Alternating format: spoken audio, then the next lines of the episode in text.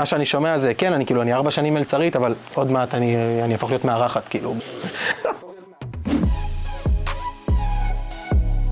אהלן חברים, ברוכים הבאים לפודקאסט ניצחו את הרשת, הפודקאסט שבו נדבר על שיווק, פרסום, הצלחה בתחומים שונים.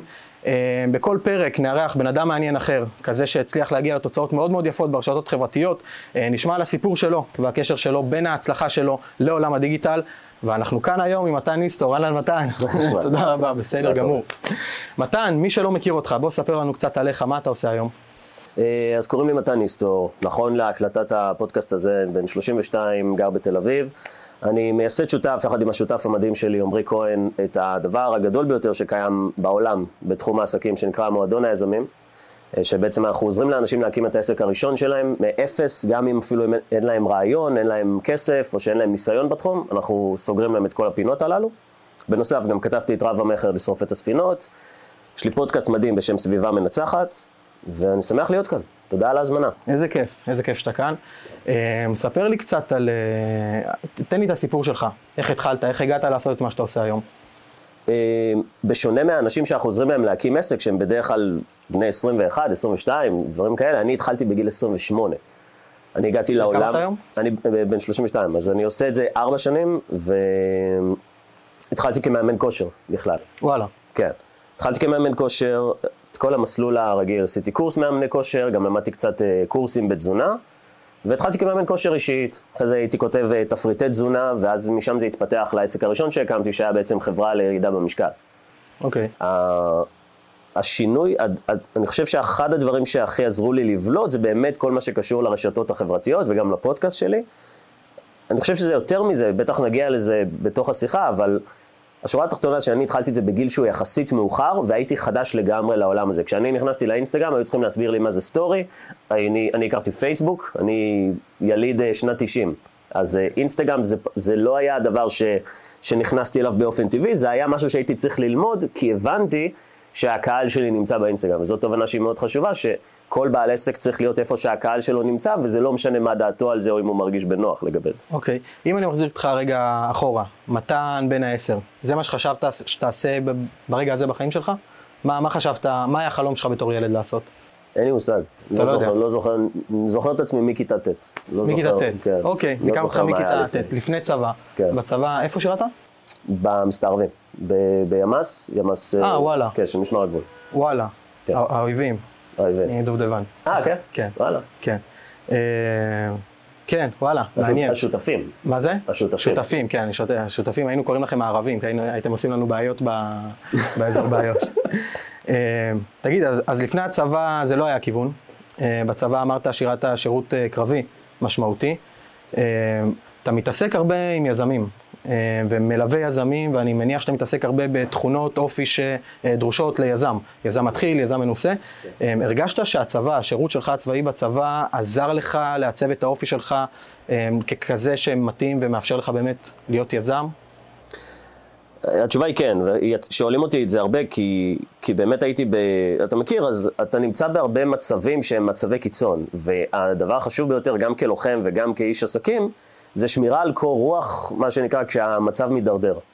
ובתור אחד שמלווה הרבה יזמים, אני שם לב איך אנשים יכולים לאכול סרטים משטויות. חסר להם פרספקטיבה. ויכול להיות שזה קשור, יכול להיות שכשאתה נמצא במצב שאתה בסכנת חיים, או שאתה מבין, אוקיי, זה משהו סופר משמעותי, עם, אה, עם פוטנציאל עכשיו של אנשים שיכולים להיהרג, אז אתה פתאום מקבל פרספקטיבה לחיים של רוב האנשים האלה. ואתה ילד. ו- ואתה, כן, אתה בשנות ה-20 שלך. אני, אני פעם הייתי בתגלית. בתגלית, למי שלא מכיר, זה יהודים מ- מהעולם, בדרך כלל מארצות הברית, שבאים לישראל, הם באים לאיזה שבוע, שבועיים, ועושים להם סיור בכל המקומות. והקטע זה שמחברים חיילים ישראלים עם אוטובוס מלא באמריקאים. היית, ואתה, היית כאילו מדריך כן, בתגלית? אז אתה בא כחייל, אתה האטרקציה שלהם, כי אתה כאילו הישראלי, ואתה גם ישראלי סולג'ר, זה מגניב, זה זה. אתה דוגמה. והעניין זה שאתה רואה את ההבדל בין הגבר, גברים, נקרא לזה, אמריקאים בני 20, לבין גברים, חיילים, שמיים וארץ. אתה רואה, אתה רואה את האמריקאים ילדותיים, אתה רואה אותם... אני לא אומר שחיילים לא יכולים להיות ילדותיים, נגיד, אתה יודע, חוזרים הביתה ומתפרקים ועושים שניות, אבל אם אתה ממש מסתכל על זה כקבוצה, אתה רואה איך הצבא משפיע על אנשים לטובה בעיניי, מדבר פה על גברים, כי גם, גם נשים, אבל אתה רואה איך זה עושה את השינוי, ובגישה שלי כן, זה משפיע גם על עולם העסקים, ובכלל, על פרספקטיבה לחיים, לקחת דברים, מה שנקרא, פחות ברצינות, זה שילוב שהוא חשוב. עמרי ואני מדברים על זה, שיש לנו את היכולת לא להתרגש מדברים שקורים, אבל מצד שני גם מאוד חשוב לנו שזה יצליח, וזה איזון שקשה להסביר אותו. יפה, יפה אמרת. אחד הדברים בצבא שמלמד אותך הכי טוב, שזה במילים אחרות מה שאתה אמרת, זה שיכולים לקרות דברים שאין לך שליטה עליהם ואין לך מה לעשות. כאילו מה תעשה, תילחם עכשיו בצבא כל כך גדול? אין לך מה לעשות. Mm-hmm. אה, כמו שבחיים לפעמים קורים דברים כאלה. ואתה יכול להילחם בהם ולהיות ראש בקיר, או אתה יכול, אני תמיד אומר, ת, תהיה לא שביר, עדיף מאשר להיות חזק. אין לך מה להיות חזק, עדיף לך להיות לא שביר וטיפה לנוע לצדדים ו, אה, ו, ולהתמודד עם הסיטואציות, אה, שזה, שזה יפה, שזה יפה. אם אני מחזיר אותך עוד פעם אחורה, אני רוצה להבין אותך בתור ילד בתיכון, בתור תלמיד. Mm-hmm. יש לך הרבה מאוד ביקורת שאני מסכים עם רובה וגם חולק קצת על הביקורת שלך למשרד החינוך. אתה בתור תלמיד, הרגשת את הביקורת הזאת שאתה מרגיש גם היום למשרד החינוך? תראה, אני עד שהייתי בן 28 הייתי מה שאני קורא לו, הייתי בתוך המטריקס. אוקיי. מי שראה את הסרט. זה שאתה פשוט מקבל את המציאות כפי שהיא. לא הטלתי ספק בדברים, כן, אה, לא, לא אהבתי את בית ספר, כמו שאני מניח ש-99% מהתיכוניסטים או תלמידים לא מתים על בית הספר. בית הספר זה מונופול. כי מה זה מונופול? אין לך, בר... זה ברירת המחדל. אוקיי? זאת אומרת, אתה לא יכול, וגם במקרה הזה זה מגובה על ידי חוק. אז בית הספר זה מונופול, בין אם אתה אוהב את זה, בין אם אתה לא אוהב את זה, בין אם זה תורם לך, בין אם, בין אם אתה... אתה יודע, זה מאוד תלוי מהבית שהגעת ממנו, ואני תמיד מסביר את זה גם בספר שלי, וכשאני מדבר, ילדים זה פס ייצור של הורים, של סבא וסבתא, כולם מתנהגים באותה צורה, אף אחד לא עוצר לחשוב, לאף אחד לא מפעיל שיקול דעת משלו, וגם ילדים שההורים צעקו עליהם, לך לבית ספר ותביא ציונים, הספוילר הוא שהם גם יהיו הורים כאלה, כשהם שנאו את ההתנהגות של ההורים שלהם, כשהם היו ילדים קטנים. כי כולם הולכים באותו כיוון מסוים. כולם הולכים באותו ש... דבר, וכשאנחנו מדברים על בית הספר, אז קודם כל להבין באמת שאין אלטרנטיבה אחרת, ואם אתה שואל אותי אם היה לי ביקורת, אז היה לי את הביקורת הכללית של תלמידים בבית הספר שלא מבינים למה אני צריך ללמוד תנ"ך. למה אני צריך ללמוד ספרות, אנטיגונה או, או דברים כאלה, ובואו ניכנס לכל, וגם תכלס כל האנשים שאומרים שצריך ללמוד מתמטיקה ואנגלית, גם זה חרטא. שזה הזוי, כי גם, גם היום כבר מלמדים את זה. אתה גם לא צריך ללמוד מתמטיקה ואנגלית, זה בזבוז של, של השנים שבהם המוח שלך מתפתח בצורה הכי טובה, ובדרכים, אני לא אומר לא ללמוד, ללמוד, אני כל הזמן לומד, למידה זה חשוב וקריטי להצלחה. אבל הדרך שלומדים והחומר שלומדים הוא לא רלוונטי לבתי הספר. אז כשאתה שואל אם אני שמתי לב לזה כתלמיד, אז התשובה היא שלא. אני שם לזה, לב לזה היום, שאני מסתכל על זה בצורה רחוקה יותר, שאני גם עבדתי בתנועת הצופים. הייתי רכז שבט בתנועת הצופים במשך כמה שנים, אז יצא לי שוב לחוות תלמידים בבית הספר ולשמוע גם מה הם אומרים על בתי הספר, וזה לא משתנה, כולם אומרים את אותו הדבר, ואני בטוח שאם נשאל היום תלמידים, הם יגידו את מה שאני אמרתי, זה לא עוזר לי, אני חייב ללכת, ההורים שלי מכריחים אותי, אני לא מבין איך זה יעזור לי בחיים, אני לא לומד פה משהו שהוא מועיל. ואז, וזה העניין, כולם מחכים לאיזה משהו שיקרה כדי שמערכת החינוך תשתנה. אנשים מדברים על זה, והגישה של רוב האנשים, מה שהם חושבים, זה אולי החלק הכי חשוב, רוב האוכלוסייה לא מאמינה בבית הספר כי הם מבינים שזה לא עוזר, מנגד אין אלטרנטיבה, אין משהו חלופי, אז הם נלחמים בתחנת רוח, זה לא רלוונטי. יש. כאלה, יש כאלה שמלמדים בבית את ה... יש אנשים שמלמדים בבית, אבל... אילון מאסק הקים בית ספר... אה, סבבה, שאילון מאסק... אה, כן, אבל זה, זה פריבילגיה זה... שלא לא לכולם יש. ו... אנחנו צריכים לדבר על רוב האנשים, ורוב האנשים מחכים שהדבר הזה יגיע מלמעלה. רוב האנשים מחכים שמישהו מהממשלה, מהפוליטיקה, איזה שר חינוך חדש או איזה משהו כזה, פתאום יבוא ויגיד, שומעים? מחדש. זה לא יקרה. לא יקרה. זה לא יקרה מכל כך הרבה סיבות, ו, ושוב, מבחן הזמן מראה את, את שלו, ואל תסתכל על ישראל, תסתכל על העולם. או תסתכל על ארה"ב, כי ארה"ב זה, זה אני... ישראל די, באותו דבר. חשבת פעם אה, להיכנס לפוליטיקה? בעתיד, זה לא... בעתיד? ואם אני שם אותך עכשיו שר חינוך, תן לי שלושה, ארבעה מקצועות שאתה, דבר ראשון... לא, אבל, אבל זה העניין, זה לא יגיע מלמעלה, זה חייב להגיע מלמטה. זה חייב להגיע מלמטה, וזה גם מה שאנחנו עושים במועדון. המטרה שלנו במועדון היזמים, האנד גיים בסוף, זה לבנות פה רשת של בתי ספר שתהווה חלופה לבתי הספר. בוא נגיד שעכשיו אנחנו מגייסים מאות מיליונים של שקלים ובונים רשת של בתי ספר, ואנחנו קוראים להם בית הספר החדש.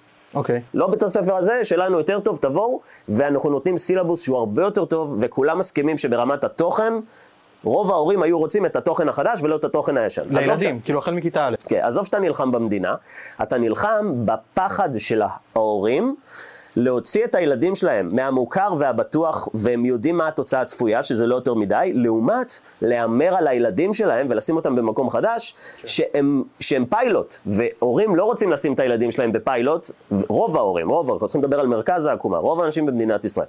הדרך היחידה שבה באמת יהיה אפשר לעשות שינוי, וזה מה שעמרי ואני עושים, okay. אוקיי. זה לגדל פה מעכשיו דור חדש של יזמים, שבעוד עשור יהפכו להיות הורים, שכאשר הרשת של בתי הספר החדשים, החדשים האלה ייפתחו, הם יהיו ההורים שיאמינו וישלחו את הילדים שלהם, והם בעצם יהיו הורים לעתיד שישלחו את הילדים שלהם, ומשם הדבר הזה יתחיל. אז כשעמרי ואני מדברים על מועדון היזמים, זה ההתחלה של ההתחלה של ההתחלה של ההתחלה.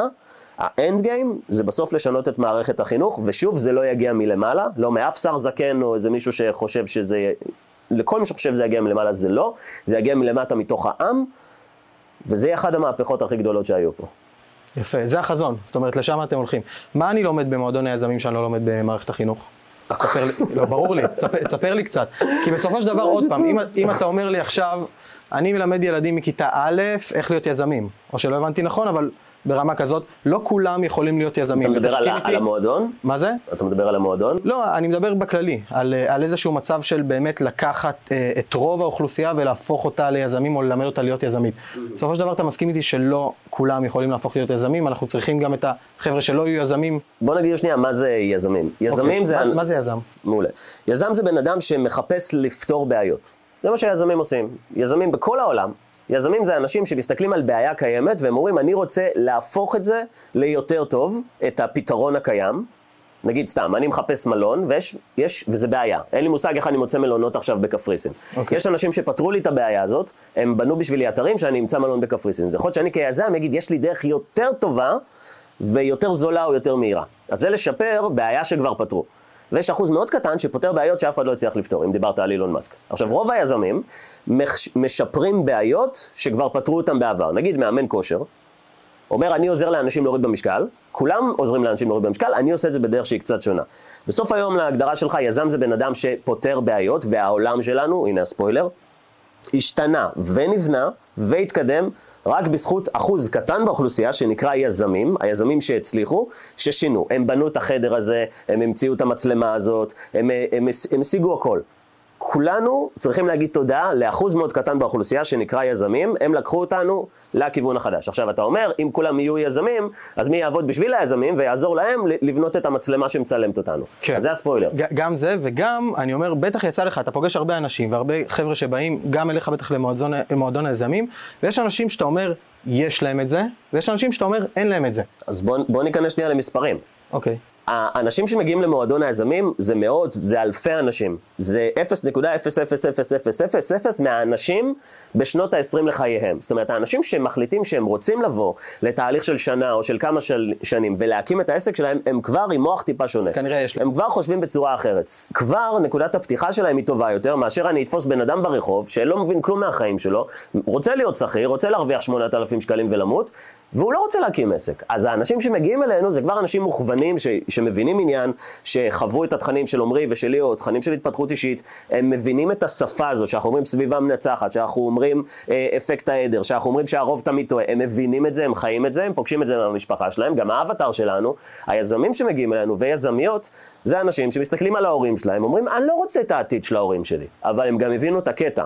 אם לא תשנו את המסלול שלכם, אתם תהיו כמו ההורים שלכם. ככה זה עובד. אנחנו נהפכים להיות האנשים שאנחנו מסתובבים איתם, בטח כמו ההורים שלנו, גם אם ההורים שלנו עשו דברים שלא אהבנו כילדים קטנים, הספוילר הוא, אתם תהפכו להיות בדיוק ככה, ואז אתם תגידו, עמק נהפכתי להיות ההורים שלי, או איזה פחד, אני, אני מתנהג כמו ההורים שלי. זה ממש עובד ככה. אתם צריכים לשאול את אותם יזמים, מבינים שהעתיד הזה שהם רואים בבית, שגדול מהם ב-30 שנה, שהעתיד הזה של ההורים בוא נדבר בנתונים, אנשים לא מרוויחים את הכסף שהם רוצים, אנשים לא נראים בגוף שהם רוצים, או במשקל או בבריאות שהם רוצים, לא בזוגיות שהם רוצים. הישראלי, הישראלי הממוצע לא הבין את הקטע. כן. הישראלי הממוצע נכשל כמו שאתה אומר, כולם ברוב תחומי החיים שלו. עדר מסוים. זה, זה מאוד חשוב הדבר הזה. הישראלי הממוצע נכשל ברוב תחומי החיים.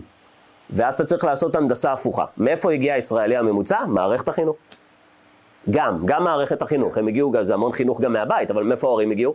שוב, שוב ניקח את זה אחורה. כן. אז יש לך מערכת חינוך שמלמדת אנשים להיות בינוניים מינוס, להבין איך לא מבינים כסף, איך לא לשמור על הגוף שלהם, איך לא לנהל מערכות יחסים, איך לא להגשים את עצמם. וכל הסביבה שלהם היא גם כזאת, כאילו גם בבית וגם החברים וגם אה, זה. זה משהו שאתה מתעסק בו הרבה, א', גם אפקט העדר, אה, וגם אה, סביבה, סביבה מנצחת, ולהקיף את עצמך בסביבה של אנשים ש, שעוזרת לך לעלות למעלה. מתי, אתה, היה לך איזשהו שלב בחיים שלך שאמרת, רגע, שנייה, אני מסתכל רגע על הסביבה שלי, אני לא מרוצה מהחבר'ה שמקיפים אותי, ואני משנה את הסביבה שלי בשביל להשיג את המטרות שלי? במאה אחוז, בוודאי. זה קרה בתהליך שאיפשהו גיל 28, שהקמתי את העסק שלי, ונכנסתי לעולם הזה, והבנתי ש... איך אתה פוגש את זה? איך, ה... איך היזם הממוצע פוגש את זה? כן.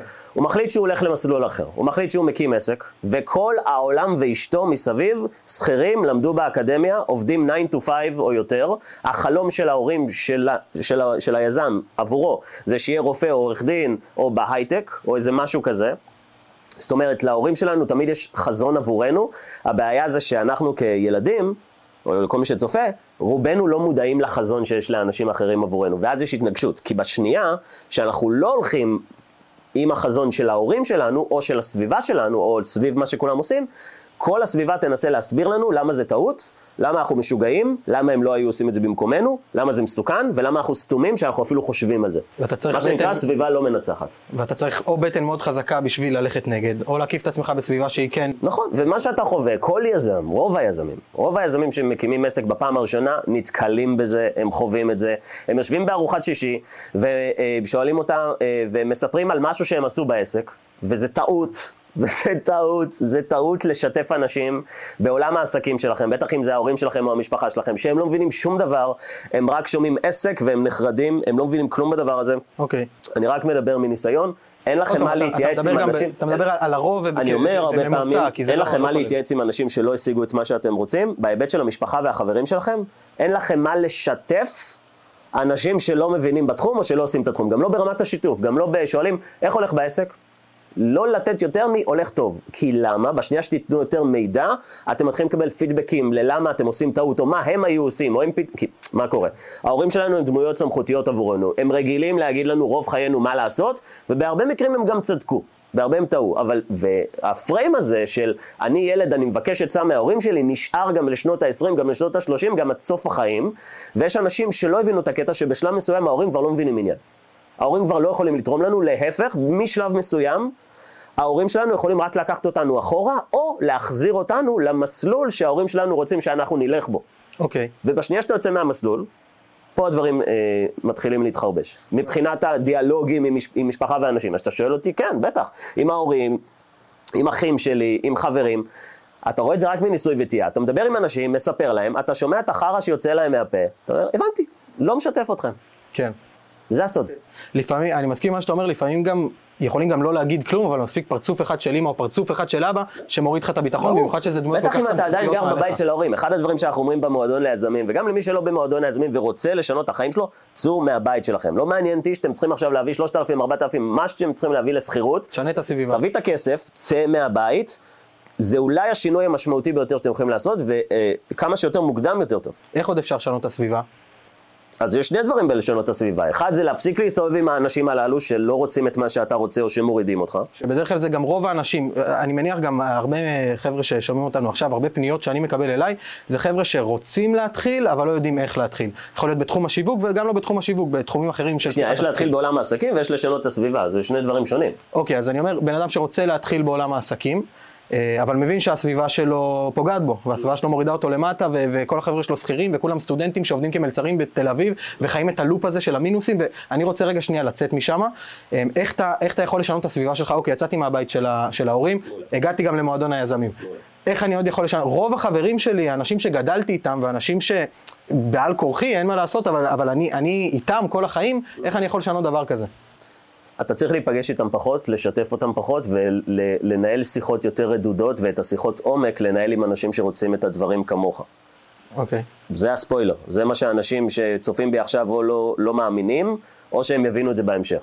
אם אתם רוצים לשמור בקשר על החברים מהילדות שלכם, ואתם לא רוצים לאבד אותם, אתם צריכים להבין שתוכן השיחה יש, ישתנה, והתוכן של התפתחות אישית, הצלחה ועסקים, יהיה עם הסביבה החדשה שתמצאו, שזה האתגר. מועדון היזמים עוזר לאנשים למצוא את החברים, כי יש לנו פה קרוב לאלף אנשים שנמצאים במועדון, אתה תמצא את החמישה חברים החדשים שלך, אתה תמצא. אם תחפש אתה תמצא. לכל מי ששואל איפה אני מוצא סביבה מנצחת, המועדון זה אחד מהמקומות הללו. אבל זה מתחיל בלעזוב את הסביבה הקיימת, זה מתחיל בזה. זה כמו ששכיר רוצה להקים עסק, הוא קודם צריך להתפטר מהעבודה שלו כשכיר, ואז להקים עסק. כל עוד תישאר עדיין בעבודה ותקים תוך כדי, יהיה לך איזושהי משקולת, רשת ביטחון שתמשוך אותך למטה. כן, יהיה לך פלן בי. יהיה לך פלן אנחנו B. נגד זה. אוקיי, האמת שזה מצחיק, אתה יודע, אה, אתמול כתבתי בגוגל יזם. אוקיי, כתבתי יזם, יזמות בגוגל. רציתי לראות מה, התכוננתי לפודקאסט, רציתי לראות מה, מה ההגדרה בגוגל, אה, ונכנסתי לאתר של משרד התעסוקה, ו- ובאתר של משרד התעסוקה כתוב איך אה, להיות יזם. הרבה הרבה חרטא, כמו שאתה מבין, ואחד מהדגשים לאיך להיות יזם, מה אתה צריך שיהיה לך, זה רשת ביטחון. שזה משהו שאני הסתכלתי על זה ואמרתי, רגע, שנייה, משהו פה לא נכון, ומשהו פה לא הבינו אותו, כי כשיש לך את הרשת ביטחון הזה, וזה משהו שאתה אומר גם הרבה פעמים, זה משהו שמושך אותך למטה, ומשהו שמחזיר אותך אה, לדבר הזה, וחשוב שלא יהיה לך את זה. אני אשתף אותך שאני אה, לפני בערך אה, שנתיים, שנה, ש... לפני שנתיים, משהו כזה, אה, הרגשתי בדיוק את מה שאתה אומר. אני אה, עם עסק, עם חברה, מתחיל להתפתח והכל, והרגשתי שיש לי איזושהי סביבה שאני רוצה לרענן אותה. רוצה קצת יותר יצירתיות, רוצה קצת אה, אה, להתפתח למקומות אחרים. אה, ודבר ראשון שאומרים, יאללה, אולי אני אלך לעשות איזשהו תואר בכיוון הזה. התחלתי לחקור... זה הדיפולט, ככה כולם חושבים. כן, נכון. הגישה היום זה שאם אתה רוצה ללמוד משהו חדש, זה תואר.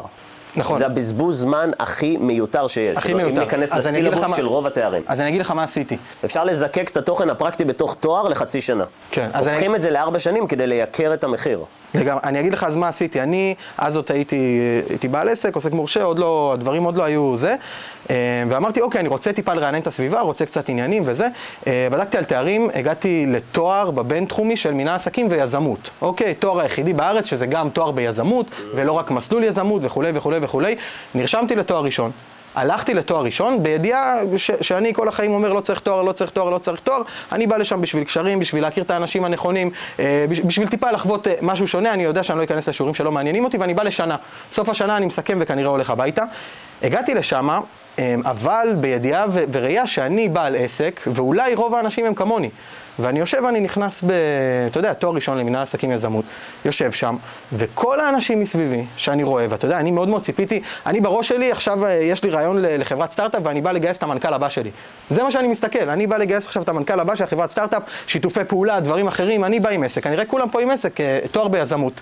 תקשיב, כולם חיילים משוחררים, אחרי צבא, ההורים של כולם יזמים מאוד מאוד מצליחים, שכמובן לא עשו תואר וכמובן גם לרובם הגדול אין בגרות להורים שלהם, אבל הם הלכו, ולמרות כל זה הם הלכו לעשות את התואר הזה, ועד היום, היום הם בשנה שנה ב', נכנסו ללופ הזה עוד פעם של הלימודים וללמוד סטטיסטיקה ומתמטיקה ופרבולות, ואני אומר, תואר במרכז... תשמע, אני משתמש בפרבולות כל יום בעסק שלי. מה זה? כן, אתה. או מי שמנהל את ה... זה מצחיק. אמ, אבל, אבל אחד הדגשים הכי חשובים פה שרציתי להגיד, שגם במוסד כל כך מתקדם, נחשב מתקדם, כמו המרכז הבינתחומי, בתואר ביזמות, עדיין לא למדתי ולא ראיתי את האנשים... גם תואר במנהל עסקים. כן. אתה לא לומד שם מכירות אפילו. איך אתה יכול ללמד מישהו עסקים ולא ללמד אותו למכור? איך? תהרוג אותי. וזה מצחיק, כי אפילו איך? פיננסי אתה לא באמת לא לומד לומד שם. כלום, אתה לא לומד תקשיב, התנהלות כל זה. יש לנו, יש, חבל שלא באתי מחוצה, יש לנו חולצות של אל תעשו תואר. עשינו סדנאות של שלושה ימים, עשינו כמה סדנאות כאלה, שהשם של הסדנה זה אל תעשו תואר. תואר מתאים למי שרוצה להיות שכיר, תואר מתאים לאיזה ארבע מקצועות שיש היום במדינת ישראל שאתה חייב רישיון. אז לך תעשה תואר, ואם אתה לא רוצה את הארבע מקצועות האלה, של רפואה, עורך דין, ראיית חשבון, דברים כאלה, זה, כן. ואתה רוצה להגשים את עצמך, גם מבחינה פיננסית, כלכלית, גם להרוויח כסף ללא תקרת שכר, כי שכיר, גם אם אתה הולך להייטק, יש לך תקרת שכר, ואם אתה רוצה גם להגשים את עצמך ולממש את החוזקות שלך ואת הפוטנציאל שלך, זה נמצא בהקמת עסק. ההתפתחות האישית האמיתית נמצאת בהקמת עסק, נקודה. כל העולם, כל העולם של התפתחות אישית, וכל מי שצופה בנו יודע את זה, כי זה קהל של התפתחות אישית, כן. יודע שכל מי שמוביל את עולם ההתפתחות האישית הוא רק עצמאי, לא תמצאו בן אדם אחד שהוא שכיר, זה לא הגיוני, כי אם אתה שכיר לא הגשמת את עצמך, אתה מגשים חלום של מישהו אחר. נכון. אוקיי. יש משהו שיוצא לי הרבה להתעסק בו, וזה אה, תורשה או סביבה. האם יש דברים, ועוד פעם, אתה גם אה, מלווה... מעניין, נושא מעניין. כן, אתה מלווה הרבה יזמים, וכמו שאמרתי קודם, יש אנשים שגם אני מסתכל עליהם, של, של עובדים באים לעבוד, ואני אומר, יש לו את זה. כאילו, יש לו את זה, ויש כאלה של, וואלה, אין לו את זה.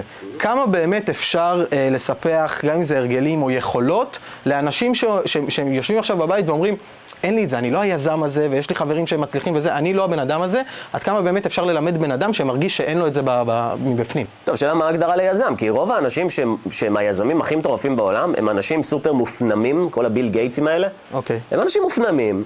הם אנשים שהם מאוד, אה, בס- בסגנון תקשורת זה סגנון מנתח, גם אילון מאסק, דברים כאלה. כן. זה לא אנשים שעושים רעש וצלצולים, זה אנשים שהם אינטליגנטים והם הבינו איזה, איזה ידע חסר להם, אבל יותר מידע הם נקטו פעולה מסיבית.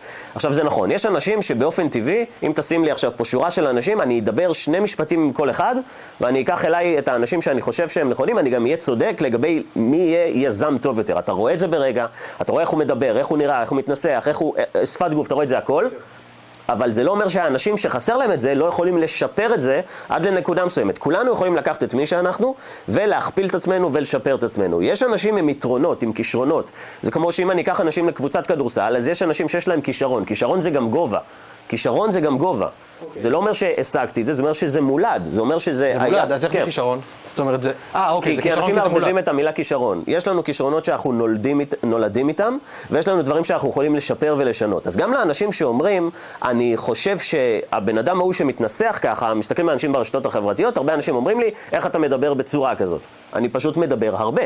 אני עושה, יש לי פודקאסטים ורעיונות וסרטונים, ו, ובמהלך השנים שלי בוא, היו לי הרבה סיטואציות שדיברתי בהן. אתה גם בן אדם אתה- מאוד ורבלי. זאת אומרת, רואים את זה עליך. כן, אני בטוח אבל, שכל לא, אבל החיים לא גם דיברת. לא פגשת אותי בתיכון, לא פגשת אותי בחטיבת הביניים, אתה רואה את מי שאתה רואה היום, ואתה מסיק שהייתי ככה תמיד, וזה הבעיה, ואז אנשים מסתכלים על מישהו ואומרים, אין לי מושג, אני בחיים לא אהיה הדבר הזה. ואתה לא אומר, נכון. גם אתה, אה, גם היכולת דיבור שלך והיכולת ניסוח שלך זה סקילים שעבדת עליהם ושיפרת אותם עם הזמן. בוודאי. זאת אומרת, זה לא נולדתי ככה ולא... היום אני מעביר הרצאה, הרצאה, שתי הרצאות למאות אנשים כל חודש.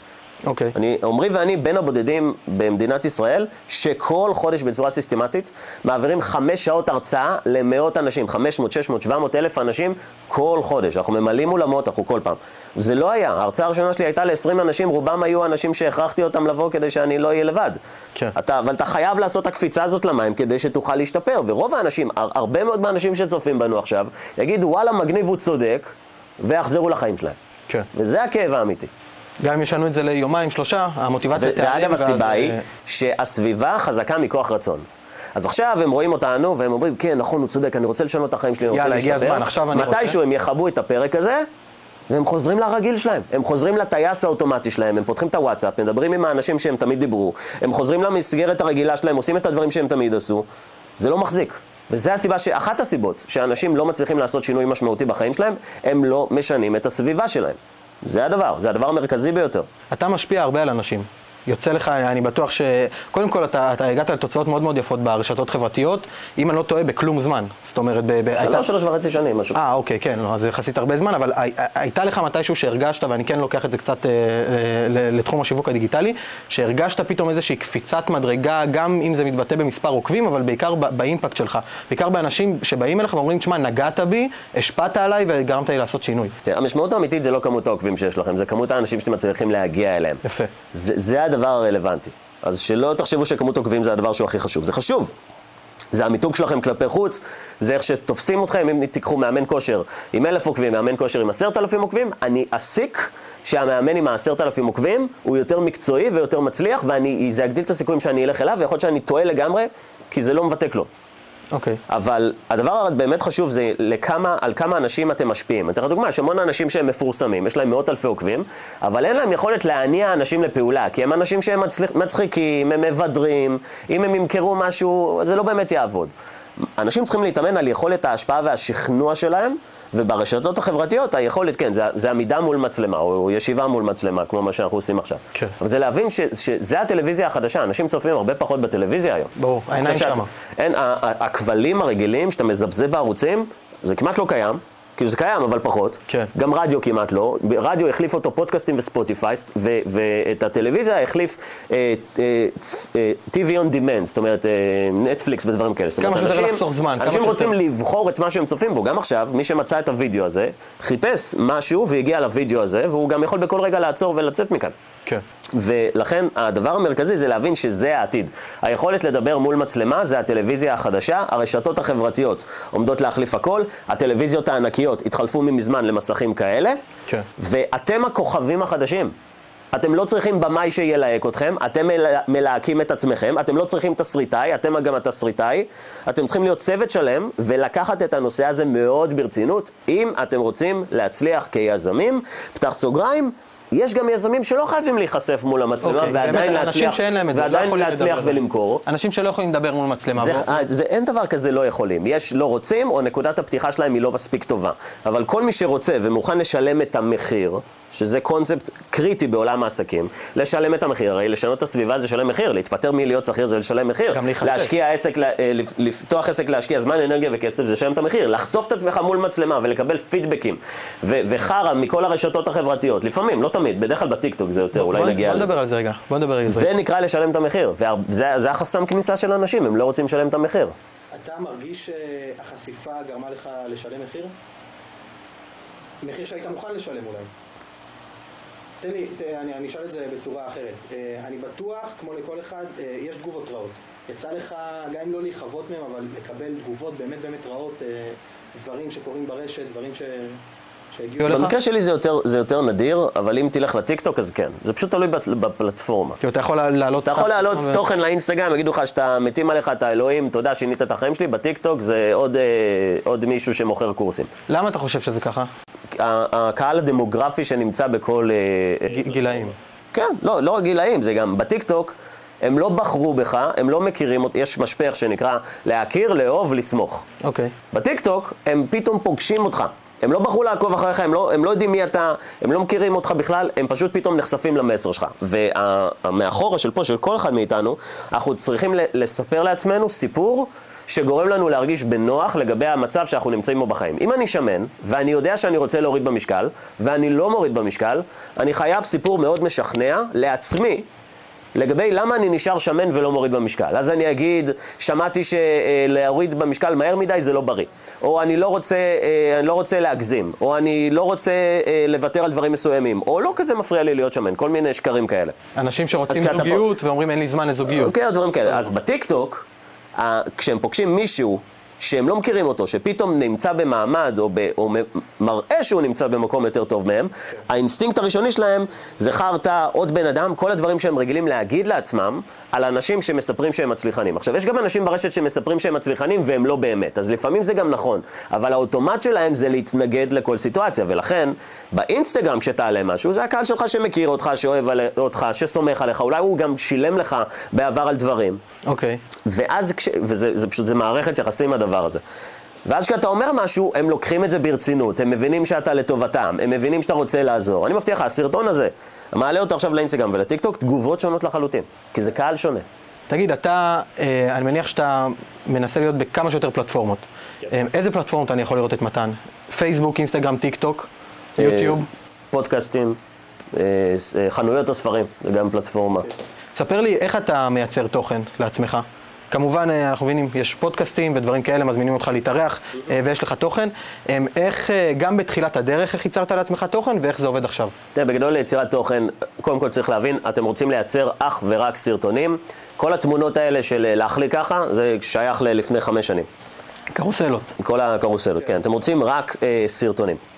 לגבי סרטונים יש ארבע פרמטרים לגבי איך לייצר תוכן שהוא טוב, הסרטונים שהם טובים. הדבר המרכזי זה לדעת שאתה מייצר את התוכן בפלטפורמה המתאימה שהקהל נמצא, ולכן הרבה אנשים אומרים אני אפרסם בטיקטוק כי יש שם הרבה תנועה, אבל יבואו לכם משם אפס לקוחות. ברוב המקרים, ולכן המשפך הנכון זה לקחת אנשים מהטיקטוק לאינסטגרם, ואז לחמם אותם באינסטגרם ולמכור להם באינסטגרם. אוקיי. לכל מי שעובד עם קהל נגיד של שנות ה-20, זה עובד ככה. אז ארבעת הדברים הכי חשובים לאנשים שרוצים ליצור סרטונים שהם טובים, זה הדברים האלה, תרשמו. הדבר הראשון זה תוכן שמחדש. עכשיו, מה זה תוכן שמחדש? אם אני מאמן כושר ואני מדבר על גירעון קלורי, לא חידשתי לאף אחד, דיברו על זה מספיק. זאת אומרת, כשאני עכשיו בונה את התסריט שלי, אני חייב להג... לתת דברים חדשים. אני חייב להמציא את הגלגל מחדש, או לפחות לתת את הדברים מזווית אחרת, כי הם כבר שמעו את זה. אין לי סיבה, אם אני הבנתי, אם יש סרטון של, שתי, של דקה, והבנתי אחרי עשר שניות על מה הוא מדבר, והבנתי שאני יודע את העתיד, אני, אין לי סיבה להמשיך לצפות. לא אמשיך. אני חייב שיחדשו לי, וזה קשה לחדש היום. אוקיי. כי, מד... כי, כי, כי אמרו הכל. תן לי לחזק אותך גם, אתה צריך לחדש, ולחדש לפעמים גם בשנייה וחצי, השתי שניות הראשונות של הסרטון. אני ראיתי אתמול את אה, אחותי בטיקטוק. תקשיב, אני, אני לא יודע איך היא מצליחה לקלוט דברים, זה הקצב, טק, טק, טק, טק, טק, טק? טק. אה, בת אה, 16? אוקיי. טק, טק, טק, כן, עוצרת, נכון, טק, טק, נכון. טק, טק. ברמה שאני אומר, איך היא יכולה בכלל להבין מה מעניין אותה? אה, וזה ההוא כזה, זה באמת השתי שניות הראשונות, מה אמרת, לחדש, אה, לחדש לגבי זה? מה הדבר הבא? הדבר הבא זה, זה בעצם איך שהסרטונים נראים. זאת אומרת, יש, יש משמעות לצילום ולסאונד, אם זה לעריכה ולבאמת הוקים, זה גם יכול להיות ויזואלי. כן. או דברים כאלה. אוקיי. אז יכול להיות עריכה. לך יש חברה של עריכה, אז אני בטוח שאתם פוגשים את זה. איך אנחנו, איך אנחנו לוקחים תוכן שהוא טוב, אבל הופכים אותו ליותר טוב על ידי אה, עריכת וידאו. זה דבר שהוא חשוב, זה עולה כסף, אבל זה דבר שעושה את ההבדל. דיברנו על זה, פה יש גם את הגבול בין אותנטי, לפעמים גם מקצועי מדי ומתועש מדי עם כל האלמנטים שקופצים, לפעמים זה גם מוריד לך, אז, אז ההבדל בין האותנטי, אבל עדיין מקצועי ולא באיכות איזה. מה הדבר השלישי? הדבר השלישי זה התדירות. זה כל כמה זמן אתה מעלה תוכן. אז בוא נגיד, יש לך תוכן טוב שהוא מחדש, והוא גם ערוך בן זונה, אבל כל כמה זמן אתה מעלה אותו. אז אנשים, לפעמים אנשים אומרים, מתן, העליתי תוכן אה, השבוע, לא הגיעו לקוחות. כמה העלית? אחד בשבוע. לא מספיק. תמשיך, תפמפם. אם אתם יזמים בתחילת הדרך, כל מה שאתם צריכים לעשות זה לשווק. לשווק, כי השלב הבא זה למכור, אבל בשביל זה צריך לידים, זה מגיע משיווק. כל מה שאתם צריכים לעשות כל היום זה לשווק, אז תדירות היא מאוד חשובה. מה התדירות שאתה מעלה תוכן? אני מעלה כל יום כבר כמה שנים. כל יום פוסט. כל, כל יום כל פוסט יום שהוא, שהוא של. של חצי דקה, דקה, עם ערך, עם תוכן, שעורכים בשבילי, שגם מעלים בשבילי. בכל הפלטפורמות. באינסטגרם זה עולה גם אה, אוטומטית לטיק טוק, שיש אה, פרקים כאלה זה עולה ליוטיוב, כשאני מוציא פודקאסטים זה עולה לפודקאסטים, אתה מחבר ביניהם, אתה גוזר, אתה יכול מדבר כזה להוציא המון תוכן. ואני מניח שפיתחת לעצמך איזשהו system של היצירת תכנים והעלאה שלהם, כאילו זה לא משהו שאתה מתעסק בו לא, זה אוטומטי. לחלוטין. הכל כבר עובד... אני אה, אקח את הפרק הזה, אני אעלה אותו לדרייב של העורך שלי, הוא יזהה את הקטעים הטובים, הוא יגזור אותם, יערוך אותם, יעלה אותם לאינסטגרם, מהפרופיל שלי, ירשום את התיאור למטה וילחץ אה, אוקיי, ואני אגלה מאוחר יותר, אה, זה מה שהעליתי היום. גדול. זה וזה, יעלה גם לפייסבוק, לאינסטגרם, לטיק טוק. בלי פייסבוק, אין לי מה... אין לך פייסבוק. פייסבוק זה לזקנים. אז תלוי, אם הקהל שלכם הוא מבוגר, אם הקהל שלכם... הוא- אם אתם מוכרים לאנשים אה, בגילאי אה, 30 וצפונה בהגדרה, 35 וצפונה, כן, הפייסבוק זה, זה מעולה. והדבר הרביעי, היה לנו לחדש בתוכן. היה לנו, אה, איך שזה נראה מבחינה גרפית ועיצוב, כי זה מושך את העין וסאונד, מאוד חשוב הסאונד, אנשים אה, אה, לא מקפידים על זה, שזה יישמע טוב, שלא יצרום באוזן. הדבר הנוסף זה תדירות, אבל הדבר החמיש, הרביעי, והכי חשוב, תתחילו בזה, זה היכולת שלכם לדבר מול מצלמה ולהעביר מסרים. יש כל כך הרבה אנשים ברשתות, שעל השנייה הראשונה אתה רואה סרטון, ויכול להיות שהתוכן מחדש, ויכול להיות שאתה ראית אותו אפילו כמה פעמים, והתוכן הזה ערוך טוב, ואתה רק רואה איך הבן אדם הזה מדבר, איך הוא מוציא את המילים מהפה, איך הוא נראה, אתה לא מאמין אומר, לו. אתה תעזור לי? אתה רוצה לעזור, אני צריך לעזור לך. איך, איך מתאמנים על דבר כזה? איך... קודם כל תרגול. קודם כל, אוקיי. שנייה, לפני תרגול אתה חייב להיות מודע לעצמך. מלא אנשים מעולם לא קיבלו ביקורת קשה בסגנון של אתה נראה מגוחך, אתה נראה דפר, אתה, אתה, אתה לא מסתכל למצלמה, זה עוד רגוע, אתה מדבר לא ברור. קודם כל זה ביקורת קשה ממקור חיצוני, כי אנשים לא מודעים לעצמם. אנשים, אני פוגש את זה, אני רואה, אנשים מראים לי, לא מבין למה זה לא עובד. תמחק את זה עכשיו, זה נראה, זה נראה רע, זה מוריד לך נקודות. אז קודם כל זה להבין מה נקודת הפתיחה שלך ביכולת העמידה מול מצלמה. הבנו, עכשיו בוא נשפר את הדברים הללו. והדבר השלישי והכי חשוב, זה כל הזמן לתרגל. יש לי פודקאסט עם עונה ראשונה, יש לי פודקאסט עם עונה חמישית, זה אני בכולם, זה המכנה המשותף. תשמע אותי בהתחלה, תשמע אותי בחמישית, אתה תראה ציר של שיפור בהעברת המסרים. אבל עדיין אתה לא תמחק את הדברים שהעלית בהתחלה. לא. זה אחד הדברים לא, שאני... זה היה מספיק טוב. זה אחד הדברים שאני אומר, כי יש הרבה מאוד אנשים שמתרגלים ומתרגלים ומתרגלים, אבל לא מעלים. ואז ברגע שהם לא מעלים, לפעמים התרגול שלהם שווה לפח. כי יכול להתאמן באמת חמש שנים, או שבמשך חמש ולכתוב שנים... למגירה, זה לא כן, רלוונטי. בדיוק. או שבמשך חמש שנים באמת יעלה, כמו שאתה אמרת, פודקאסט מהשנה הראשונה, לעלות ולעלות ולעלות ולעלות ולעלות, וככה אתה גם לומד ולהשתפר. לפעמים זה בסדר גם, במיוחד בתחילת הדרך, להוציא תוכן שהוא לא טוב, ואתה לא שלם איתו, בהבנה שאף פעם לא תהיה שלם כנראה עם התוכן, אם אתה פרפקציוניסט, לעלות, לעלות, לעלות ולעלות, ואחרי זה שאתה משתפר, אולי תחזור אחורה ותמחק דברים שאתה פחות מתחבר אליהם. אנחנו קוראים לזה במועדון ה- הפנקק הראשון. אוקיי. אם יצא לכם להכין פעם פנקק, אתם יודעים שהראשון תמיד נשרף, הוא יוצא עקום, אתם הופכים אותו מאוחר מדי, הוא יוצא כזה מוזר, ואז אתם לא זורקים אותו, כי זה אוכל וזה טעים, אבל אתם שמים את זה על, על הצלחת הגשה, ואז אתם מכינים עוד אחד, הוא נהיה, הוא נהיה יותר טוב, אתם שמים אותו מעליו, לוקחים עוד אחד, מכינים, הוא יוצא כבר ממש יפה וסימטרי, שמים מעליו, האחרון יוצא בן זונה, ואז הוא זה שנמצא למעלה. אוקיי? וזה גם העמוד אינסטגרם של רוב האנשים. תרדו ממש למטה, אתם תראו את כל הפנקקים הראשונים, לכו לעמוד שלי, תראו דברים מביכים, זה שם, כי אני אומר לאנשים כל הזמן, לכו תראו איך גם אני התחלתי, ואז אתם רואים את השיפור, שיפור, שיפור, שיפור, אבל אתם חייבים את הפנקק הראשון הזה, שישרף לכם, שיצא מוזר, לא טעים, שיהיה מפדח, אבל אתם חייבים אותו, כי אז לא יהיה את השני, את השלישי ואת הרביעי. ברור. אז התוכן הראשון, זה כדי שתיכשלו, כדי שהוא יהיה גרוע, כדי שתקבלו פידבקים, תהיו חזקים מול זה. ושנוכל עכשיו להתחיל לעבוד.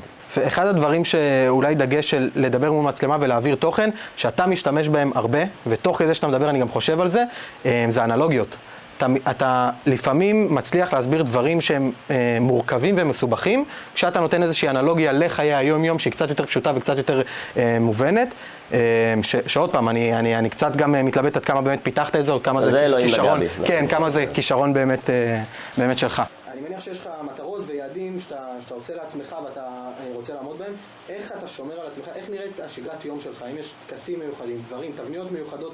רוצה לדבר עם הרבה חבר'ה שאתה יודע, הרבה דברים כאלה, קם בבוקר, אומר, יודע, אני פחות מאמין בדברים האלה, אבל כן, יש לך איזה שהן תבניות אה, שאתה מאמין בהן, שמחזיקים אותך. היה לי את זה בצורה האדוקה והקתולית ביותר בתחילת הדרך. אוקיי. שעון מעורר, חמש בבוקר, ספר אודיו בדרך למשרד, אה, אה, אימון, חדר כושר, קורא ספר איזה שעה, רושם את המטרות, רושם אפרמציות, פותח, מוציא את הטלפון ממצב האלה. טיסה, זה עובד, זה עובד מעולה, זה מכניס אותך לפוקוס, פוקוס מטורף, ואתה מתחיל את היום שעשית כל כך הרבה, ואתה אתה בא לטרוף את העולם, הספוילר הוא שבחמש בערב אתה גמור, אתה, הולך, אתה רוצה לישון, אבל עדיף לך את ההספק של הבוקר מאשר את ההספק של הערב מהרבה סיבות, אני גם, גם מדבר על זה בספר, וזה זרז מעולה לשני דברים, יצירת משמעת עצמית, שזה הדבר שיזמים צריכים שיהיה להם, כי, כי למה עסקים נסגרים? אחת הסיבות, היזמים מתעייפים, אומרים זה לא בשבילי, זה גדול עליי. אוקיי. יש עוד סיבות, זה באמת לא עבד פרקטית, אבל הרבה פעמים זה כי אנשים פשוט מתעייפים או לא מצליחים להכיל את הדבר הזה.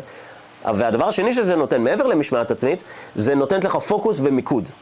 אז אתה עובד יותר טוב, אתה יותר יעיל, ואתה משיג הרבה יותר בזמן קצר. אז אנשים שואלים אותי איך, היום אני מתראיין פה אחרי שלוש וחצי שנים, משהו כזה, אבל גם אם היינו מתראיינים אחרי שנתיים, היית אומר, בואנה, הספקת מלא בשנתיים. כי זה לא הזמן, זה הפעולות. ואתה יכול לרכז את הפעולות, אבל היום עם, עם הדברים שאני עושה, אני כבר לא קם בשעות הללו, אני לא עושה את הטקסים האלה בצורה אדוקה, אני כן מתאמן, אני כן קורא, אבל אני יכול לאפשר לעצמי, היום יש לי את הזמן שלא היה לי בתחילת הדרך. כן. אוקיי, היום אני הבן אדם שרציתי להיות לפני שלוש שנים. ויש לך מודעות לזה גם להגיד, אוקיי, הגעתי למקום הזה ואני יכול לעשות את זה. אני חושב שאחת הבעיות של אה, חבר'ה שמתחילים, שהם כל כך רוצים להיות במקום הזה, אז הם מסגלים את האורח חיים הזה מלכתחילה. וחושבים, אוקיי, הנה, הקמתי עסק עם שני עובדים, אז אני מנכ"ל עכשיו, אני יכול לעשות מה שאני רוצה ולא לא לעשות עבודה הם צריכים אינטנסיבית. יועץ עסקי שישקף להם את איפה שהם נמצאים. בכלל, כל מי שרוצה להקים עסק, אתם לא יודעים להקים עסק אם מעולם לא הקמתם עסק, ורוב האנשים שהקימו עסק, גם הם בעצמם עדיין לא יודעים להקים עסק, כי הם לא עשו את זה בצ- בצורה טובה. שורה תחתונה זה כמו שלא ידעתם לנהוג והיה לכם מורה לנהיגה, אתם רוצים להיכנס לעולם העסקים, אתם צריכים מורה לעסקים. זאת התורה על רגל אחת. אתם לא יודעים להשיג את מה שלא השגתם. וגם בספר שלי אני מדבר על זה במודל פירמידה להצלחה. אחרי שהבנתם מה אתם רוצים להשיג, אתם צריכים למצוא מישהו שהשיג את מה שאתם רוצים להשיג, מורה דרך, ולעשות את מה שהוא אומר. אתה יודע, אני, קופץ לי הרבה, וזה... בוא, אני, אני, אני, אני גם אה, אהיה כנה איתך. השם שלך שקפץ לי בהתחלה, בהתחלה, בהתחלה, אני ישר קישרתי אותך לאיזשהו סטיגמה כזאת שיש לי בראש. אה, א', גם בדיעבד אני, אני, אני מודה ששגיתי, גם ששפטתי מהר מדי, אבל אתה בטח תתחבר למה שיש לי להגיד עכשיו. כל, כל הזמן, ולא מפסיק לקפוץ דברים, אה, במיוחד ב- ברשתות החברתיות, יועצים שונים שמייעצים אותך ובאים ללמד אותך איך לעשות דברים, שכל ההכנסה שלהם וכל העשייה שלהם היא מהייעוצים האלה. לדוגמה, אה, יועץ עסקי, בן אדם שהוא יועץ עסקי ואתה רואה, אוקיי, מה עשית? אתה בא לייעץ לי איך להרוויח יותר כסף, נכון? אז מה עשית? האם אתה הקמת עסק שמרוויח יותר כסף, או שאתה מרוויח כסף מהייעוצים שלך? זה תלוי בבן אדם. נכון, יש, יש זה. תלוי בבן אדם. ואני חושב שהרשתות החברתיות עושות אותנו מאוד מאוד מאוד אדישים ומאוד מאוד סקפטיים לגבי דברים שאנחנו רואים, שאנשים אחרים גם יכולים להיכנס לך לתוך הרדאר הזה, ואתה אומר, אוקיי, טוב, נו, עוד איזשהו מנטור שקפץ לי.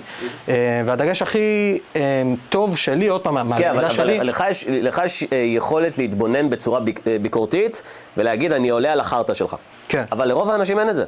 רוב האנשים אומרים, אוקיי, הוא למד אותי איך, אה, איך אה, לא יודע, לסחור בקריפטו ולהיות מיליונר, הוא למד אותי. ואני הולך, אני משלם 300 שקל בשעה לבן אדם שילמד אותי איך לעשות חצי מיליון שקל בשנה, או משהו כזה, שהוא מרוויח הרבה פחות ממני. אנשים צריכים לדעת אחרי מי ללכת. המי הרבה יותר חשוב מהמה. יהיו עשרה אנשים שילמדו אתכם איך אה, להרוויח כסף, או איך להוריד במשקל, או איך למצוא זוגיות. אתם חייבים לבדוק על האנשים הללו, האם הם באמת השיגו את מה שהם רוצים לייעץ לכם. ואם הם השיגו, אגב, עד איזה רמה, כי אם הקמתי עסק והרווחתי עשרת אלפים שקלים, אז אוקיי, סבבה. ואם אני סוחר בשוק ההון, ואני עושה מזה חמשת אלפים שקלים כל חודש, אז זה משהו אחד. אתם רוצים אנשים עם תוצאות מאוד גבוהות, אבל עוד דבר, אתם לא רוצים גם אנשים עם תוצאות יותר מדי גבוהות, כי אתם לא רוצים שהפער בין התלמיד לבין המורה, המורה יהיה גבוה מדי. אם עכשיו אילון מאסק יהיה היועץ העסקי שלי, אני לא אבין מה הוא אומר. כן. עזוב שהוא מדבר מוזר, אני לא מבין מה הוא אומר, זה, זה מתקדם מדי. אתה לא תהיה בקצב. ולכן, אנשים אומרים, אני רוצה להקים עסק, אנשים באים אליי, אומרים, אתה, אני רוצה שתלווה אותי, אני רוצה להקים עסק. עכשיו, עזוב שאני לא עושה את זה כבר המון זמן, ועזוב שכן עשיתי את זה, שעה אצלי הייתה עולה 5,000 שקלים, כן. וזה היה נמכר בחבילות של לפחות 30 שעות, של 150 אלף שקלים פלוס מע"מ. ואני מנסה להסביר להם, תקשיב, אתה לא צריך מישהו כמוני. יש כל כך הרבה אנשים בינך לביני שיעשו עבודה מדהימה, ועדיף לך אגב לקחת מישהו שיותר קרוב אליך, כי אני כבר מזמן שכחתי במרכאות איזה קשה זה להקים עסק, אני לא מצליח להתחבר לזה, ואתה רוצה מישהו עם קצת יותר אמפתיה. אם היום אני ילווה יזם בתחילת הדרך, אני אכפכף אותו, אני אצעק עליו, אני אגיד לו תשווק יא חתיכת מטומטם, ולא בטוח שזאת האסטרטגיה הנכונה. ולכן יש לנו אה, מודל, שאנחנו, יש לנו אנלוגיה שאנחנו משתמשים בה במועדון, שאנחנו אומרים שגם תלמיד בכיתה ב' יכול ללמד תלמיד בכיתה א'. כי אם סיימתי כיתה א' ולמדתי אה, קריאה וכתיבה, אני יכול טכנית ללמד מישהו. עכשיו, האנלוגיה היא זה שאנשים בכיתה א' רוצים מישהו בכיתה י"ב. זה לא יעבוד. שהוא לא זוכר נסה היום לדמיין מישהו בכיתה י"ב, חונך מישהו בכיתה א', זה לא עובד. לא יעבוד. אבל מישהו בכיתה ג', שחונך מישהו בכיתה א', זה עובד מדהים, כי זה טרי, והוא מבין אותו, והפער לא גדול מדי. ולכן, לגבי אנשים שילמדו אתכם, אם אתם נכנסים עכשיו לשוק ההון, תיקחו אנשים שהם מתקדמים מכם בשוק ההון, אבל אל תחפשו את האלה שהם מטורפים, זה לא רלוונטי, הם ידברו בשפה שלא תבינו. אמרת פה משהו יפה. אני חושב, האמת, אה, יצא לי לדבר אה, לפני שבוע עם חבר שרוצה להיכנס לא לשוק ההון, רוצה להיכנס לתחום הקריפטו. הוא אמר לי, איך, איך עכשיו, אוקיי, אני יודע שאני רוצה להיכנס ל... אני עייף מכל הקריפטו, מה, מכל הקריפטו, אתה לא אוהב את זה? תכף נדבר על זה. תכף נדבר על זה. אבל אה, לא, זה לא משנה. כן, זה לא משנה. לא משנה נדל"ן, קריפטו, תחום השיווק, כן, זה לא משנה. הוא אמר לי, איך אני עכשיו מתחיל ללמוד? איך אני יוצר לעצמי באמת את הסביבה הזאת? ואני אמרתי לו, תשמע, לפני שאתה מתחיל לרוץ לי לכנסים, אמ, וגם אה, כמובן לדברים שהם פיזיים, ולהתחיל לחפש וקבוצות פייסבוק וכאלה, חכה רגע. היום, במציאות שאנחנו נמצאים בה היום, יש לך אופציה לסובב את עצמך מסביב לעולם דיגיטלי שייתן לך את הערך הזה. אמרתי לו, דבר ראשון שאתה עושה מחר בבוקר זה ככה. קודם כל, עוקב אחרי פודקאסטים. כל פעם שאתה בזמן נסיעה, אתה גם ככה אה, שומע פודקאסטים. תשמע רק את הפודקאסטים שרלוונטיים לדברים שלך. דבר שני, תעקוב אחרי מנטורים ואנשים כאלה שמתעסקים ויוצרים תוכן בתחום הזה. אל תלך עליהם באיזושהי ראייה עיוורת, כמו שאמרת, צריך להיות ברשתות חברתיות ולבחון ממי לקחת את הדברים, אבל עצם זה שאתה um, עוקב אחרי האנשים האלה, עצם זה שאתה שומע פודקאסטים, עצם זה שאתה עושה איזשהו חיפוש שנייה בגוגל, אתה נותן לאלגוריתם לעבוד עליך. וזה משהו uh, מאוד מיוחד, כי אם תיתן לאלגוריתם לעבוד עליך, אתה תצרוך עוד תוכן בלי שתשים לב. אתה תכניס להרגלים הקיימים שלך אתה גם ככה כל היום בטלפון, רוב האנשים גם ככה כל היום בטלפון, אז למה שהאלגוריתם לא יעבוד עליך ויקפיץ לך תוכן, כי הוא מבין, כי מבינים במה אתה מתעניין, וזה תלוי בחיפושים שלך בגוגל, תלוי בלייקים ובפולואים שאתה עושה באינסטגרם, יקפיץ לך איזשהו תוכן שרלוונטי אליך ותן לזה לעבוד עליך. אחר כך תלך וכמובן תצא לכנסים ולהרצאות ותלך למועדון היזמים, אבל קודם כל יש לך פה אופציה להקיף את עצמך באיזושהי סביבה דיגיטלית ולהכניס להרגלים קיימים שלך אבל זה תלוי מה אתה רוצה לעשות. אם אתה רוצה להקים עסק עסק של שירות כמוך, כמוני, כן, בוא למועדון. אם אתה רוצה קריפטו, NFT, dropshipping, תקשיב, נדל"ן. אני, אני, אני, אני, אני, כל האנשים שרוצים להיות משקיעי, משקיעי נדל"ן, כל האנשים הבני 14 שכותבים לי, אני רוצה ללמוד השקעות, אין לי את היכולת להוריד להם את הסתירה שאני רוצה להוריד להם בהתכתבות באינסטגרם, שהלוואי שהייתה לי. הם יבינו את זה בדרך הקשה. תקשיב, אני לא מכיר אף בן אדם, ואני מעורבב מספיק. אף בן אדם שעושה כסף מקריפטו, מ-NFT, מ dropshipping, המלמד אנשים שהעבודה שלהם זה ללמד איך, ומזה הם מרוויחים. אבל זה לא, וזה לא, זה לא להיות יזם, זה, זה להיות סוחר. מי שרוצה להיות יזם, מי שרוצה להיות בעל עסק, זה לא המקצועות הללו, זה העסקים הקלאסיים. העסקים הקלאסיים, כמו שאנחנו עושים במועדון, זה למכור משהו, לשווק אותו, לתת את השירות, יש לך לקוחות, אתה יכול לפגוש אותם, אלה סוגי העסקים שאנחנו מלמדים במועדון. אני מסכים איתך, אני מסכים איתך עם זה, אבל הרבה אנשים עושים את העסקים, כמובן, בכל הדברים שאתם עושים במועדון היזמים, ואז יש להם איזשהו הון שהם רוצים כן... איזה הון, לתת. איזה הון, אני להם- מכיר את האבטר הזה בצורה לא, מעולה. לא, אבל נתן, יש כאלה... אין בני- לו כסף, בני אין לו 35, הון. 40, לא, אני אומר לך, חבר'ה- שהם כן מצליחים... אז זה לא האבטר שאנחנו מדברים לא, עליו. לא האבטר הזה, אבל חבר'ה שהם כן מצליחים, בני 30, 40, 35, אפילו 40, נו. השיגו את ההון הזה, ורוצים, לא יודעים שום דבר בנדל"ן. זה לא הקהל שאנחנו מדברים עליו. נכון, זה לא לא הקהל. הקהל שלי. נכ- זה לא- נכון, אבל אני עדיין... פונה לאנשים בשנות ה-22, כן. שהם אומרים לי, אני רוצה ללמוד השקעות. אוקיי. הבנתי, מטומטם. הבנתי. באמת. כן, כן, אתה צודק. תלמד לעשות כסף, תלמד אה, לעשות עסקים ואז אה, זה. אבל עדיין אפשר ללמוד על... הם עדיין לא יקשיבו לנו. כן, אבל עדיין אפשר ללמוד על תחומים שונים, וגם אם פתאום אתה רוצה אתה מגיע להרחיב את התודעה להשקעות שלך בנדל"ן, בסוף, אחרי שאתה איש עסקים מאוד מצליח, והבנת את עולם העסקים, ויש לך אשכרה כסף, ואתה מבין עניין, ולא יזיינו אותך, אתה לא מתחיל מה, מה, מה, מהתחום הכי מסובך. אתה לא מתחיל מההשקעות.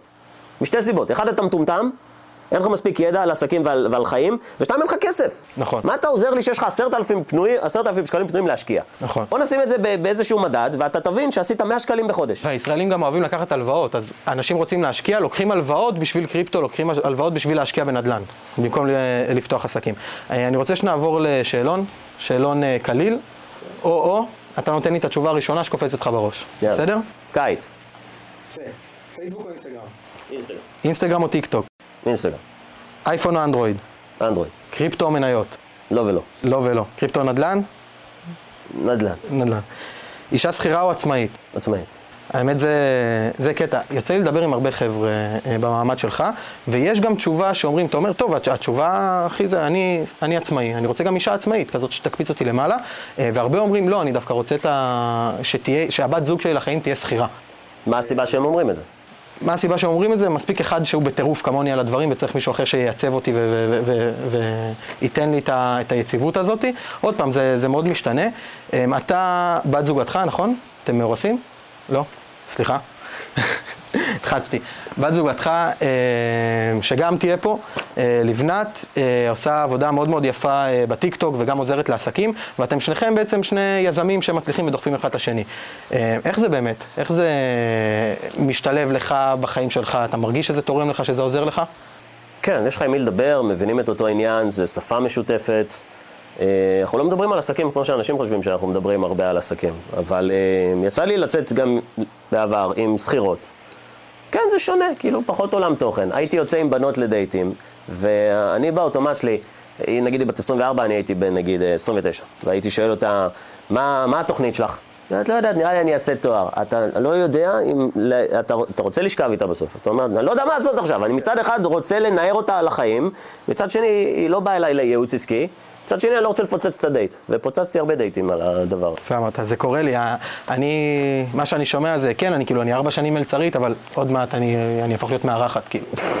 אהפוך להיות מארחת, וכן, היא מחפשת סאבלט חדש בעיר, וזה זה טוב. קשה. זה טוב. אה, אם רובוט יכול להחליף אותך, אתה לא עושה משהו משמעותי. רגע, אבל לבנת היא מומחית אה, באינסטגרם, נכון? היא עוזרת לך עם האינסטגרם שלך? כן, בטח. כן? יפה. אה, למכור שירות או מוצר? שירות. להיות מנכ"ל או בעלים? בעלים. או גם וגם. עדיין בעלים.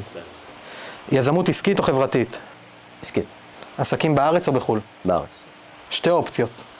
שיימחק עד לך- עכשיו זה השתי אופציות. מה זה? לא, אבל עכשיו, אתה. צריך לבחור. עכשיו זה יותר... זה שונה. תבחר שתי, שים לב. שיימחק לך חשבון אינסטגרם. או להפסיד 30 אלף שקל.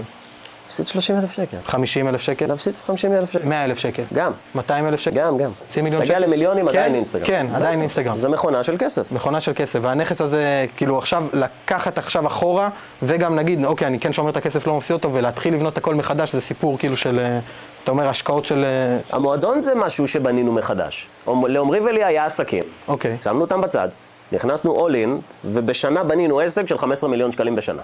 כן. אוקיי, יפה. בשנה הראשונה. בשנה השנייה זה יהיה כפול או יותר. תגיד, שאלה, ו- וזה לא, השאלה היא מה תעשה בעוד חמש שנים, וזה לא מה אתה רוצה לעשות בעוד חמש שנים, זה מה, עכשיו אתה מהמר, ואתה צריך לקלוע בדיוק איפה אתה תהיה ומה אתה תעשה בעוד חמש שנים. מאוד דומה למה שאני עושה היום, פשוט בווליום הרבה יותר גבוה. זה גם מה שאמרתי על עצמי לפני שנתיים, וזה נכון. אותו הדבר, פשוט בווליום יותר גבוה, מגיע ליותר אנשים, משפיע יותר, אה, יותר עסקים, יותר, הכ- הכל יותר. אוקיי. תגיד, אם היה לך משאבים אה, בלתי מוגבלים, או באמת היית משיג הרבה מטרות שהיית רוצה להשיג, אה, ואופציה לפתוח אה, עמותה, או משהו שהוא כן, אה, שקשור לעשייה חברתית. מה זה היה? תנועת נוער. תנועת נוער? כן. לחנך נערים... אה, כן, זה יהיה כמו הבית ספר שאמרתי שאנחנו רוצים לעשות, פשוט לנוער. יפה. מתן, תודה רבה. היה כיף, תודה שהתארחת, תודה שהשתתפת. אה, ואם אהבתם, אבל רק אם אהבתם, אם נתנו טיפה ערך מוסף, תעשו לייק, subscribe, מה שצריך, תעקבו אחרי מתן באינסטגרם, אחריי באינסטגרם, נשים פה לינקים, ותודה רבה.